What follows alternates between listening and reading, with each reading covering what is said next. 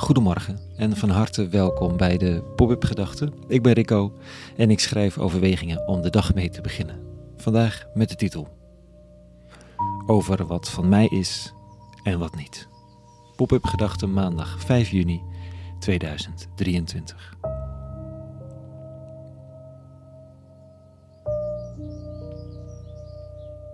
Maandagochtend vroeg.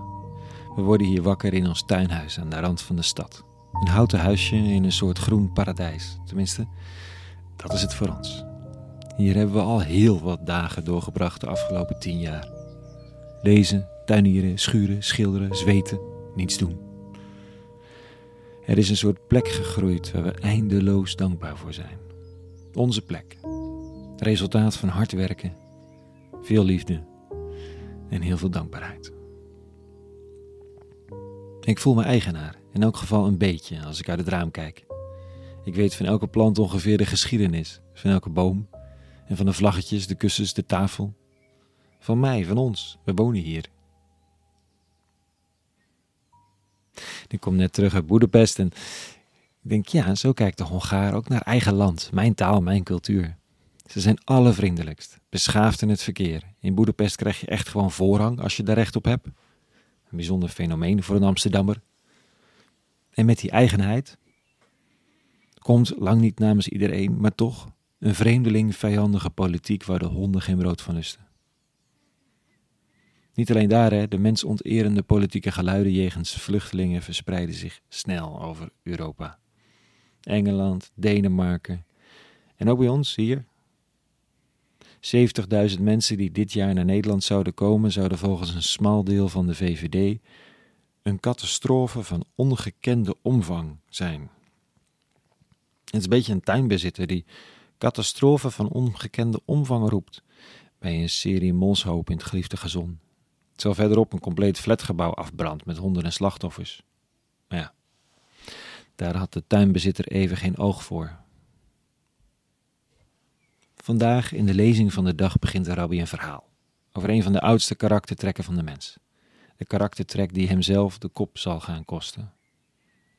Hij begint. Er was eens een man die een wijngaard aanlegde en er een omheining omheen zette. Een wijnpers in uithakte en er een wachttoren in bouwde. Daarna verpachtte hij hem aan de wijnbouwers en vertrok naar den vreemde. Op de vastgestelde tijd zond hij een dienaar naar de wijnbouwers om zijn aandeel in de opbrengst van de wijngaard van hen in ontvangst te nemen.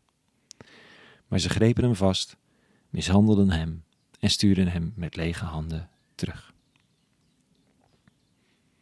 Het is een hypermenselijk fenomeen, dat van die wijnbouwers. Het eigene als het eigendom beschouwen.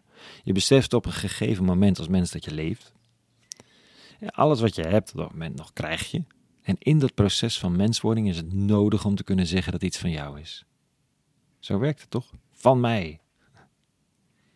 Het pijnlijke is dat die kinderfase ergens onder de oppervlakte blijft sluimeren. We weten wel, als we volwassen worden, dat we niet van onze rijke maaltijd kunnen zeggen dat die van ons is. Als onze geliefde op een of, of onze naaste honger lijden. Dat alles wat we hebben gekregen is. Zelfs onze mogelijkheid om te werken of om iets van het leven te maken. Wat van ons is, dat is niet van ons. En toch is het ongelooflijk moeilijk om het steeds weer je eigen te maken. Hoe onzekerder de tijden, hoe moeilijker. Voor volwassen vertrouwen is een gevoel van veiligheid nodig. En dat is er niet zomaar. Misschien dat daarom wel die spiritualiteit zo van essentieel belang is. Een basisvertrouwen in de wereld. Het inshallah van de mensen op de vlucht die ik onderweg steeds weer tegenkom. Op weg naar een toekomst in Europa. Als God het belieft, is er voor ons een plek. En voort gaat het. Weer een poging, weer prikkeldraad, weer tegenslag, weer wachten. Overgave. Het lijkt moeilijker voor de thuisblijver. Ja, goede procedures zijn essentieel. Maar wat als er meer mensen komen? Laten we de arbeidsmarkt voorlopig voor hen afsluiten en de behuizing zo karig mogelijk houden. Ons bezit staat al onder druk. In de oude teksten van christendom en jodendom en islam is de gelovige de vreemdeling op aarde. Die heeft een tijdelijk thuis gekregen, maar geen recht. Een reiziger, een vluchteling vaak. Dat perspectief is broodnodig. Zeker als je een wijngaard hebt gekregen om te beheren, of een tuin aan de rand van de stad, of zo gezegd een leven überhaupt.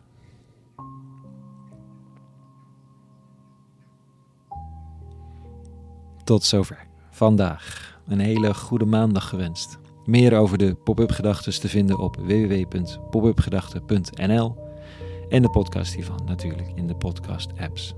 Voor nu, vrede gewenst en alle goeds.